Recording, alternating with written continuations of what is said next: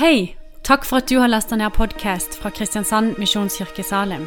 For å finne ut mer om oss, besøk vår hjemmeside på kmsalim.no. barmhjertighet formaner jeg dere brødre til å bære legemet frem som et levende og hellig offer som er til Guds behag. Det skal være deres åndelige gudstjeneste. Jeg leser det en gang til. Med Guds barmhjertighet formaner jeg dere brødre til å bære legemet frem som et levende og hellig offer som er til Guds behag. Det skal være deres åndelige gudstjeneste.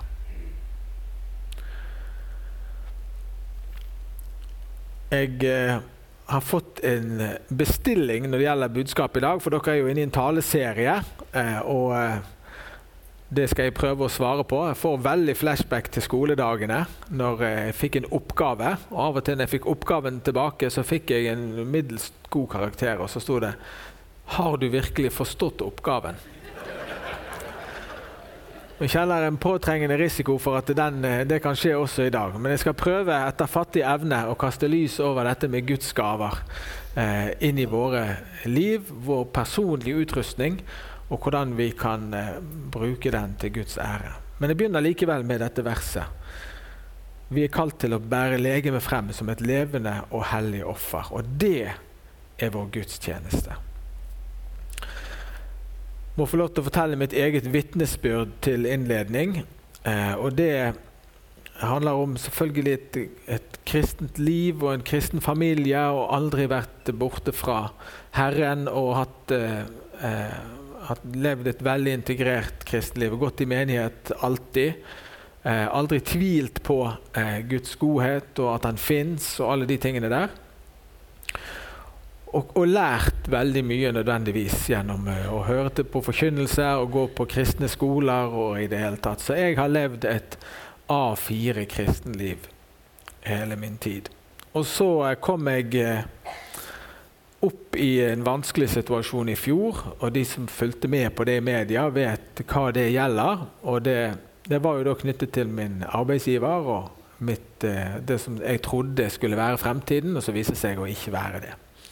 Og i januar i fjor, mens alt var vel og bra på utsiden, så skjønte jeg at jeg kom til å komme inn i en vanskelig situasjon eh, i tiden som fulgte. Eh, og folk som jeg var veldig glad i, og fortsatt er veldig glad i, og som jeg hadde hatt vennskap og relasjon med i mange mange år, flere tiår, eh, vi så plutselig forskjellig på ting. Eh, og eh, jeg er en fredens mann. Jeg gjør alt jeg kan for å unngå konflikt. Og Derfor har jeg heller ingen konflikter å vise til i mitt liv. Så jeg har ikke noe trening i det å være i konflikt med noen. Men jeg skjønte at jeg kom til å bli det. Og da var jeg ganske kjørt, ganske eh, sliten, og skulle på en konferanse i Amerika. Som journalist, for det var jo det jeg var reiste på den konferansen, og aldri har noen gjort en uh, mer slett innsats eh, i å dekke en konferanse enn det jeg gjorde den dagen. Jeg gikk inn og satte meg på rad to. Satt på lydopptakeren på han som talte. Tok et bilde og gikk tilbake i leiligheten der jeg bodde. Og der ble jeg en uke. og sendte pliktskyldigst et referat til avisen. Det var det som skjedde på den konferansen. Eh, men det som eh, og jeg var, jeg var, så kjørt når jeg kom inn på flyet eh, når jeg skulle på den turen. Jeg skulle helt alene til Amerika. Og jeg var veldig glad for at jeg var alene, for jeg trengte å være med Herren. Og så eh, er det jo sånn at jeg har jo nødvendigvis eh, alltid bedt til Gud og gått på bønnemøter og kan masse om bønn. Jeg kunne skrevet, eh, om ikke en bok, så i hvert fall et lite hefte om bønn. Men aldri har jeg hatt det sånn at jeg ikke hadde noe annet håp eller noen annen utvei for den situasjonen jeg befant meg i, enn å bare være sammen med Herren. Og i én uke så var jeg sammen med Han og ba til Han. Jeg fikk et nytt forhold til dette begrepet 'be uten opphold'. Eh, og, og, det var noe jeg aldri før hadde gjort. Eh, jeg ble overrasket om veldig mange har det sånn at de kan si at de har bedt en hel uke i strekk. Men det gjorde jeg, og jeg var plutselig i en situasjon der jeg kunne gjøre det. Og det ble en start for meg inn i det som skulle bli en vanskelig tid, der jeg fikk lov til å innstille meg på å overlate mine problemer og mine utfordringer og min tjeneste i Guds hender. For jeg visste ikke hvordan det ville ende. Jeg, hadde, jeg kom jo inn i en konflikt som jeg var nokså sikker på at jeg skulle vinne. Eh, så jeg trodde jo egentlig det, og følte at Herren ga meg veldig klare steg for hvordan jeg skulle komme gjennom de tingene der. Men jeg visste også at det kunne gå annerledes, og da ville jeg stå litt uten eh, noen eh, veldig klar plan. Den våren som fulgte, da eh, var det veldig mange opp- og nedturer. Og de av dere som fulgte med på dette her i offentligheten, dere fulgte det gjennom fire hektiske uker fra slutten av mai til slutten av juni. Men eh, for min del så foregikk jo dette fra slutten av januar fram til slutten av mai. Så det var en veldig lang periode, det lengste halvåret i mitt liv. Eh, og da, eh, da, fikk jeg rett og slett eh, fortsette å leve i dette her, denne overgivelsen til Gud. Fordi at jeg ikke visste eh, hva mer jeg skulle gjøre. Jeg hadde ingen andre eh, utveier enn det. Og hver dag det halvåret, med noen ytterst få unntak, så gikk jeg én mil for meg sjøl i skogen. Eh, to timer. Jeg går ikke så fort. Og da eh, var det dette her, å bare være sammen med, med Herren. Og det har jeg fortsatt med til denne dagen. Så sant jeg er hjemme eller er for meg sjøl, så går jeg en mil hver dag og så snakker jeg med Herren i to timer. Og Det høres jo veldig fromt og flott ut, men det har ikke vært vanlig for meg å ha det sånn. Men jeg har blitt avhengig av den relasjonen med Herren. Og så gjør jeg andre ting og sånt når jeg er på tur, og hører gjerne på podkaster og, og, tar en og annen telefon og sånn. Men det er blitt en sånn daglig rytme i livet mitt. Og mens jeg holdt på med dette her, så opplevde jeg når nedturene kom, så opplevde jeg at Herren kom til meg gjennom eh, vers som han ga meg, eller gjennom forkynnelse som jeg hørte, eller gjennom at jeg følte ro inni meg og at han hadde kontroll på denne situasjonen. Og når jeg hadde nedturer, så opplevde jeg nesten uten unntak at samme dag, samme kveld eller dagen etterpå, så løftet han meg opp igjen. Og det som var vondt og vanskelig, det forsvant. Men jeg måtte liksom gjennom det, så det var litt sånn opp og ned. Da. Det var ikke sånn at jeg ikke kunne forholde meg til de problemene jeg hadde, men jeg opplevde likevel at han løftet meg opp, som Børud-gjengen synger. Jeg, jeg fikk eh, stifte bekjentskap med dette ordet 'Du er min sjels hyrde og tilsynsmann'. Jeg opplevde at han ledet meg som en hyrde for min sjel. Når jeg eh, lot meg døpe som 14-åring i Tabernakelet i Bergen, der jeg hører til, så var det sånn den gangen at vi skulle dele et vers, alle vi som skulle gå til dåpen. Og Da delte jeg et vers som jeg hadde festet meg ved, og jeg kalte det for mitt favorittvers. Og Det var 'Ditt ord er en lykt for min fot og et lys på min sti'. Det står i Salme 119, vers 105. Og eh, Den gangen så skjønte ikke jeg eh, dybden og rekkevidden av det verset, og det gjør jeg kanskje ikke fortsatt, men i løpet av denne våren så fikk jeg oppleve nettopp det at Hans ord var en lykt for min fot og et lys på min sti. Og Når er det du trenger en lykt og et lys? Jo, det er jo når det er mørkt. Og det opplevde jeg at det var.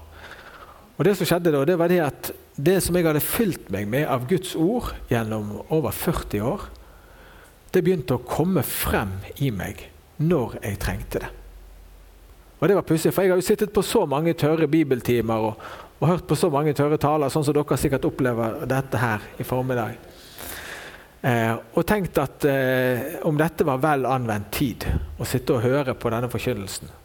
Men så kommer jeg i en situasjon der ting som er magasinert opp inni meg, begynner å komme opp og tale til meg. Så får jeg ord om at Gud står den stolte imot, men den ydmyke får nåde. La din tale være vennlig men krydret med salt, så du vet hva du skal svare enhver.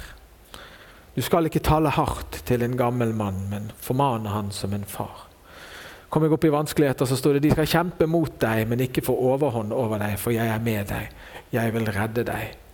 Kast all din bekymring på ham, for han har omsorg for deg. Disse versene det var ikke noe som jeg slo opp og leste, men det kom innenfra. Og hans ord ble en lykt for min fot og et lys på min sti. Og Så tapte jeg denne striden, som sikkert de fleste har fått med seg. og Det var helt annerledes og helt eh, forskjellig fra det jeg trodde. og Torbjørn var der den dagen. Det var en uvirkelig opplevelse. Og så fikk jeg likevel oppleve Guds godhet. Jeg satt på, en, eh, på det som da var en generalforsamling i det, den avisen som jeg jobbet i. Og Vi hadde talt opp alle stemmene. Det var 90 000 aksjer til stede, og jeg manglet 1500 på å få flertall i den generalforsamlingen. Eh, og Da skjønte jo jeg at jeg hadde tapt. Og så eh, fikk jeg en sånn fred i samme øyeblikk. Det som det står om i Bibelen, den fred som overgår all forstand. Som bevarer hjerte og tanker. Så det har jeg fått oppleve, at Gud har bevart hjertet mitt og tankene mine. Og det tror jeg er bare Guds godhet, selvfølgelig, og at han at han eh, bryr seg om meg og har omsorg for meg, som det står i det verset. Men også fordi at han var ikke ferdig med meg, og han hadde en plan for meg og min tjeneste. Eh, og det har gjort at jeg har blitt enda mer glad i Jesus det siste året. Han betyr enda mer for meg nå. Og de tingene som jeg visste og som jeg har lært, og som kunne som sagt skrevet hefter om, de har jeg fått erfare. Og det gjør at det er enda større rikdom, enda mer at jeg kjenner at uh, dette budskapet kan jeg dele. Derfor kan jeg være frimodig her og stå og snakke om dere. For det er ikke noe som noen har fortalt meg som jeg har lært, men det er noe som jeg har erfart. At Gud er en god Gud. Han har omsorg for oss, og han uh, har en plan for våre liv. Tilbake til dagens tema Guds gaver til deg og meg. De fleste av oss vi ønsker svar på eller har en tanke om hva vår tjeneste er i Guds rike. Og Veldig ofte i kristne sammenhenger så har vi fokus på det som skjer på plattformen. Og det er de som skal eh, tale eller synge eller lede eller be eller på annet vis være synlig i gudstjenesten. Og Det er jo veldig verdifullt og viktig. Eh, og Det går ikke an å drive menighet uten at noen kjenner på de tingene der. Men så er Guds kall så veldig mye mer enn det som står her.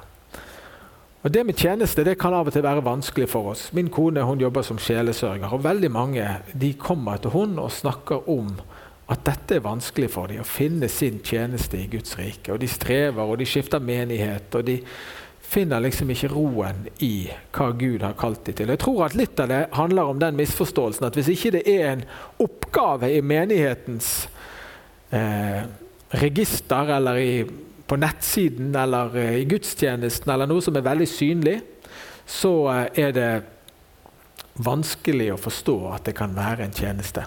Men jeg håper vi kan eh, kaste litt mer lys over det også i dag. For vi er jo her på gudstjeneste bare noen timer i uken. Og selv de aller mest aktive i en menighet de har mye mer tid utenfor menighetslokalet enn de har i menighetslokalet. Temaet for denne taleserien er jo gaver. Hvilke gaver har Gud gitt deg og meg som vi kan bruke til å tjene Han? Ofte kan vi være veldig selvkritiske. Er det god lyd her, eller er det litt eh, Det går bra? Okay. Og da eh, er det sånn at vi eh, Selvkritikk det er jo nesten en dyd i Norge. Sant? Man skal eh, helst ikke innbille seg at man er flink til noe osv. Eh, og det tror jeg er galt. Beskjedenhet er en dyd. Det snakker Jesus om, eller Paulus om i Kolossene 3. En del av Kristi sinnelag å være beskjeden. Men å være selvkritisk og snakke seg sjøl ned, det er ikke noe vi skal gjøre. Det er janteloven, og den er som kjent ikke hentet fra Guds ord. I 1. Timoteos 4, eh, vers 16 så står det Gi akt på deg selv og på læren. Eller gi akt på deg selv og din gjerning som lærer. Og Det er flere betydninger av det ordet, men jo mer jeg har sett på forskjellige oversettelser og prøvd å forstå det ordet, så handler jo det også om at du må ha høye tanker om deg sjøl og hva Gud kan bruke det til, og være nøye med ditt eget liv, sånn at Gud kan bruke deg på en god måte. Du er viktig. Gi akt på deg selv. Ikke gi akt bare på andre, på menigheten, på andre tjenester, men gi akt på deg selv og din gjerning som lærer, står det. Og Når du snakker ned deg sjøl og sier at 'jeg er ikke så flink' og 'jeg er ikke så ja, 'jeg kan ikke bidra, jeg føler ikke ditt og datt', så gjør du det motsatte av å gi akt på deg sjøl. Da viser du ringeakt mot det som Gud har skapt, og den oppgaven som han har for deg. Som du er nødt til å være åpen for og klar for å ha tro på at Gud kan bruke deg til. Salme 139, vers 13-15 så står det For du har skapt mitt indre, du har vevet meg i mors liv. Jeg takker deg fordi jeg er skapt på skremmende underfullt vis. Underfulle er dine verk, det vet jeg så vel. Mine ben var ikke skjult for deg da jeg ble skapt i lønndom og ble formet i jordens dyp. Du har skapt mitt indre, du har vevd meg sammen. Den måten du er sammensatt på, som du av og til kan føle og kanskje til og med si at du ikke kan duge til noe, det er jo gjort på skremmende underfullt vis. Gud har jo skapt deg akkurat sånn som du er, med de gaver og de utrustninger som du har. Og når vi kritiserer oss sjøl og ser ned på den vi er, så tror jeg at Gud blir lei seg. Hvordan er det med deg hvis noe, noen snakker stygt om noe du har skapt, eller noe du har laget? Det syns ikke du er noe kjekt. Ofte så sier vi det at eh, vi ikke har anlegg for det ene eller det andre. Nei, det kan være, men kanskje du har anlegg for noe annet som Gud kan bruke til noe. Av og til så misunner vi gaver som andre har. Jeg vet ikke om du lekte med sånne barn da du var liten. Folk som misunnet det andre hadde, og ikke klarte å glede seg over de, det de sjøl hadde. Sånne barn er ikke kjekke å leke med. Gi akt på deg sjøl. Du er skapt av Gud. Han har lagt ned i deg gaver med en hensikt, og han vil at du skal bruke de gavene. Du må ikke tro at du er en tilfeldighet, og at ikke det betyr noe hvordan du bruker de gavene som han har gitt deg. Du så meg den gang jeg var et foster. I din bok ble jeg skrevet opp. Mine dager ble dannet før en eneste av dem var kommet. Gud, hvor høye dine tanker er, hvor veldig summen av de. Gud har høye tanker. Han, har ikke, han ser ikke på deg som uvesentlig og unnselig. Han har høye tanker eh, som, eh, som, han vil åpenbare for deg hvis du vil overgi deg til han. En av de tingene som jeg ser en del av, det er folk som har veldig mange synlige talenter. Alle har vi evner og talenter. Men så er det noen som har veldig synlige talenter, men som ikke vil bruke dem i Guds rike. Og det kan være forskjellige grunner til det. Det kan være at de har vonde erfaringer og er såret og, og, vil ikke utsette seg for det. Det kan være folk som er redd for å mislykkes eller ikke tør å vise seg frem, eller på noen måter er eh, rett og slett har menneskefrykt. Står noe, et langt stykke som jeg skal lese for dere her i Bibelen, om, i Matteus 25 om dette. For det, Jesus forteller en lignelse om talenter. Det er som en mann som skulle dra utenlands. Han kalte til seg sine tjenere og overlot dem alt han eide. En ga han fem talenter, en annen to, en tredje én talent, etter det hvert enkelt hadde evne til. Så reiste han. Han som hadde fått de fem talentene, gikk bort og drev handel med dem og tjente fem til. Han som hadde fått to talenter, gjorde det samme og tjente to til. Og han som hadde fått én talent, gikk og gravde et hull i jorden og gjemte sin herres penger. Da lang tid var gått, kom tjenernes herre tilbake og ville holde regnskap med dem. Han som hadde fått fem talenter, kom med fem til og sa, Herre, du ga meg fem talenter, se, jeg har tjent fem talenter til. Hans herre svarte, Det er bra, du gode og tro tjener. Du har vært tro i lite, jeg vil sette deg over mye. Kom inn til gleden hos din herre. Så kom han fram som hadde fått to talenter, og sa, Herre, du ga meg to talenter. Se, jeg har tjent to til. Hans herre svarte, det er bra, du gode og tro tjener. Du har vært tro i lite, jeg vil sette deg over mye. Kom inn til gleden hos din herre. Og Til slutt kom han fram som hadde fått én talent, og sa, Herre, jeg visste at du er en hard mann, som høster hvor du ikke har sådd, og sanker hvor du ikke har strødd. Derfor ble jeg redd og gikk og gjemte talenten din i jorden. Se, her har du ditt. Men Herren svarte, du dårlige og late tjener. Du visste at jeg høster hvor jeg ikke har sådd, og sanker hvor jeg ikke har strødd. Da burde du ha overlatt pengene mine til den som driver med utlån, så jeg kunne fått dem igjen med renter når jeg kom tilbake. Ta derfor talenten fra ham og gi dem til ham som har de ti. For den som har, han skal få, og det i overflod. Men den som ikke har, skal bli fratatt selv det han har. Og kast så denne unyttige tjener ut i mørket utenfor, der de gråter og skjærer tenner. Det siste burde jo nesten vært sensurert. Forstår ikke, forstår ikke Gud eh, vår kultur og vår tid? Det er jo et alvor i det her, at Gud har gitt oss gaver. Eh, jeg skal ikke spinne mer på det, men ordet kan jo tale for seg sjøl inn i ditt liv. Det er jo et alvor med det at vi har fått gaver og talenter. Og I denne sammenheng så var jo det talenter i betydningen penger. Business. Og Det er jo noe vi snakker altfor lite om i Guds, i Guds rike. Hvordan vi kan ha en tjeneste også utenfor menigheten gjennom arbeid og gjennom forretning og gjennom å tjene penger. Jeg snakket med en mann her forleden dag. Gud hadde vist han veldig tydelig. Han var en flink forretningsmann. At uh, han, uh, når han ble frelst, og sånn, at uh, hans tjeneste det skulle være å være en giver. Og, og, det er han. Gir masse penger til, til gode formål.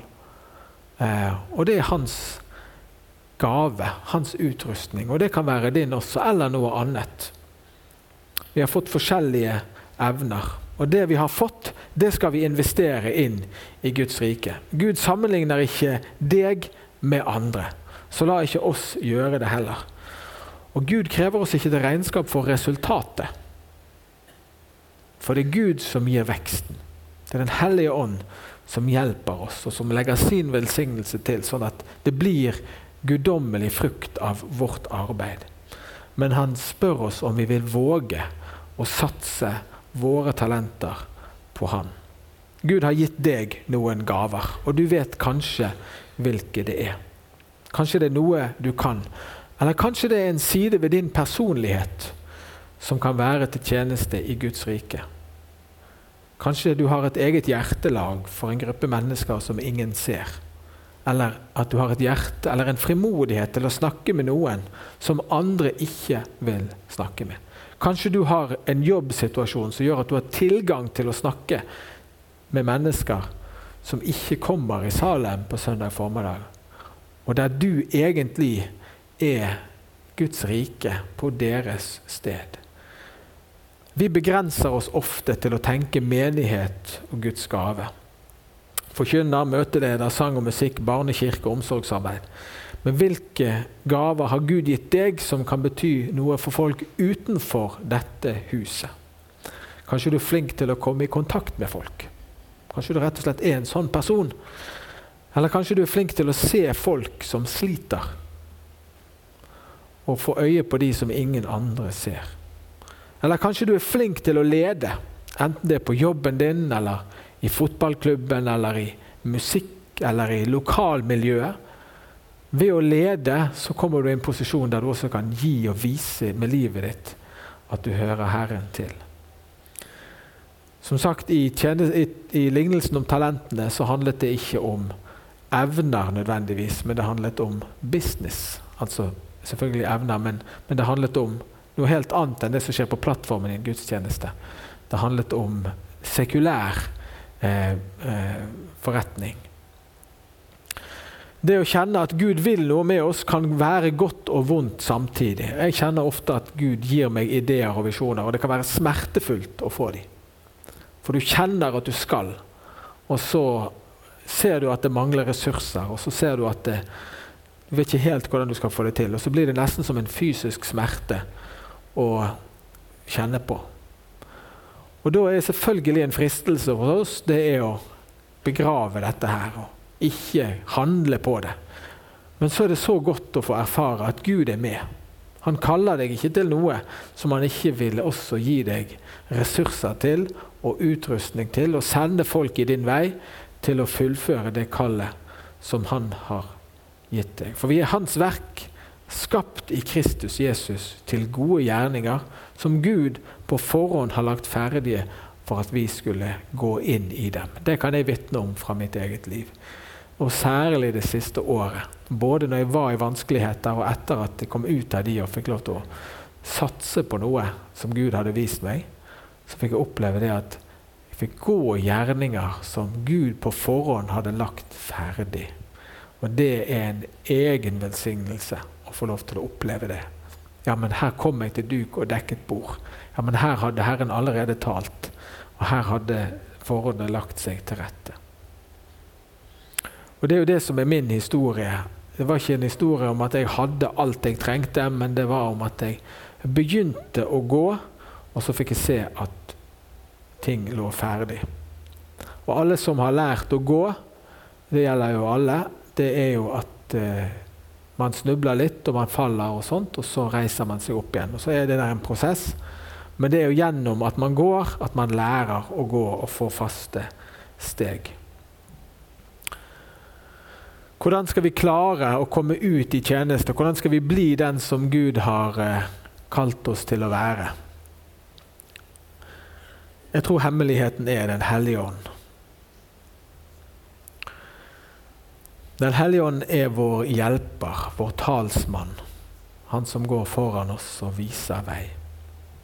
Jesus skulle forlate disiplene sine. De hadde satt sin lit til han og var ganske fortvilet eh, ved utsikten av at han skulle dø.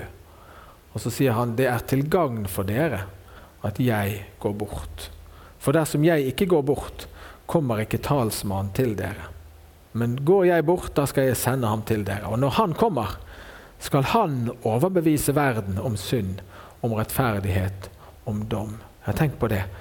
Du som er på en jobbsituasjon der du treffer folk som ikke tror på Gud. Det gjelder de aller fleste. Alle sammen. Til og med pastoren gjør det. Så er du i situasjoner der du du vet kanskje ikke hva du skal si, og det er vanskelig å finne inngangen inn i samtalen. Men det er Den hellige ånd som skal overbevise mennesker om synd. Det er ikke din og min oppgave. Får du anledning til å dele evangeliet, så gjør gjerne det. Men stol også på Den hellige ånd, at han vil gjøre det. Dere skal få kraft når Den hellige ånd kom, kommer over dere. Og dere skal være mine vitner i Jerusalem og hele Judea, i Samaria og like til jordens ende. Lær meg å gjøre din vilje, for du er min Gud. Din gode ånd skal lede meg på de jevne stier, står det. Bibelen er så klokkeklar på det. Du skal ikke klare det sjøl. Du skal ikke forstå og vite alt sjøl, og du skal ikke se rundt neste sving. Men du skal stole på Gud, at Han er der. At Den hellige ånd vil lede deg gjennom alle de tingene som du står overfor i ditt liv. Og Hvis du kjenner at synden står i veien for deg, og i en forsamling av denne størrelsen så er det helt opplagt at det er mennesker som strever med synd, så er Gud ikke sint på deg.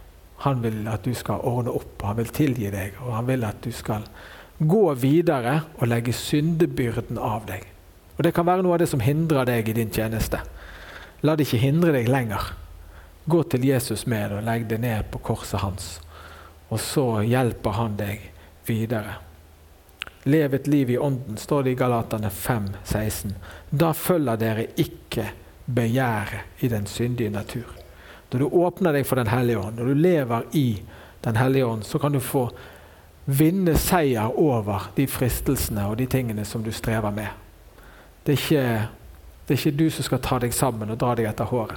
Han inviterer deg til å legge syndene fra deg, og så vil han invitere deg til et liv i ånden, der du kan slippe å streve med nederlag på nederlag. Så hvis det er det som står i veien for deg og din tjeneste, og du har mistet frimodigheten, så er det gode nyheter til deg i dag. Du kan legge det bort.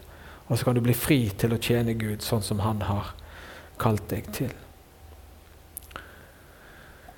En ting jeg har lært om Den hellige ånd, som jeg visste, Det er det at han bor i oss. Det står i Bibelen. At han bor i våre hjerter. Men det som jeg har lært å erfare, det er at han er fastboende. Han er ikke på besøk bare av og til. I min tradisjon der jeg kommer fra, så snakker vi av og til om sterke møter og et sterkt åndsnærvær. Og det tror jeg på, og det har jeg opplevd mange ganger. Men jeg har også lært å, å kjenne og erfare at Den hellige ånd er ikke 'here today, gone tomorrow'. Han bor i oss. Han bor med oss hele tiden. Og han er i virksomhet når vi lever et liv i Ånden. Emanuel Minos han talte en gang på en konferanse så sa han om du er lutheraner eller baptist eller pinsevenn eller hva du er, åpne deg for Den hellige ånd. Det vil jeg si til deg også i dag. Vi har snakket om alt vi kan gjøre, og alt vi skal gjøre, og våre evner og våre talenter. På midten av 90-tallet, da jeg var en ung mann, det er jeg fortsatt, så hadde jeg tanker om at jeg skulle inn i lovsangstjeneste. Eh, og jeg drev litt med det i, i noen år. Og den som var det store forbildet mitt den gangen, og for så vidt er det fortsatt, har blitt en venn, det var Jan Honningdal. Det var i glansdagene, når 'Majestet, konge i evighet' kom ut. Og good times. Så skulle jeg på lovsangsseminar med Jan Honningdal. Og jeg var begynt å finne ut av dette her, og begynte å lære hvordan du skulle sette opp et sånt sett med sanger, og hvilke sanger som var gode å begynne med. og sånne ting. Og så tenkte jeg nå skal jeg få fasiten hos Jan Honningdal. Og så kom jeg dit på seminar, og så begynte han å fortelle om hemmeligheten bak en god lovsangstjeneste. Og Det gikk ikke lenge før jeg ble litt skuffet, fordi han snakket ikke om de tingene som jeg var opptatt av. Hvordan vi skulle planlegge og legge opp osv. Han fortalte om bakgrunnen for sangen 'Gjør mitt liv til en lovsang til deg', eller for deg, Fader.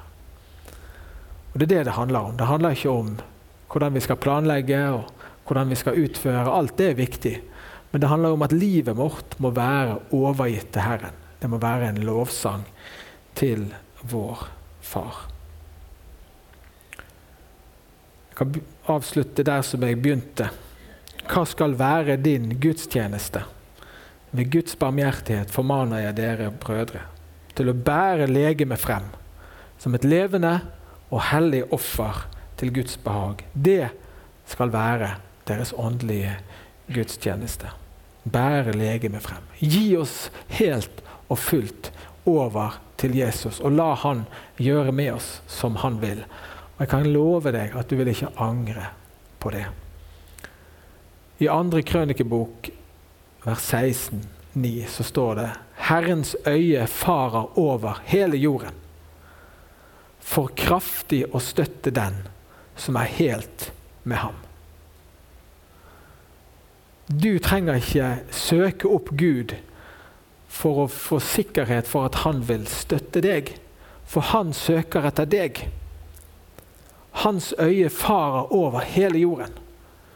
Hans øye farer over Salem i formiddag.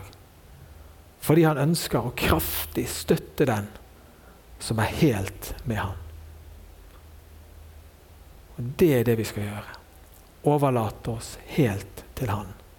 Og Få oppleve at han åpner dører for oss, at han gir oss muligheter, at han velsigner oss. Og få en ny dimensjon i livet sammen med han. Oppleve ting som vi ikke hadde opplevd før. Vi ber sammen. Himmelske Far, takk for din store nåde. At du har frelst oss og skrevet navnet vårt inn i livets bok. Takk fordi at vi kan legge syndebyrden vår av hos deg og få lov til å bli fri til å tjene deg. Og takk fordi at det ikke er vårt eget strev som legger noe til, Herre, men dine velsignelser. Takk for de evner og talenter som du har lagt inn i hver eneste person som er her i formiddag. Jeg ber om at du viser oss hver og en den vei vi skal gå, og tar imot våre overgitte hjerter, så vi kan få oppleve at du velsigner og legger gjerningene åpne for oss, og kraftig støtter oss når vi gir oss helt til deg. Amen.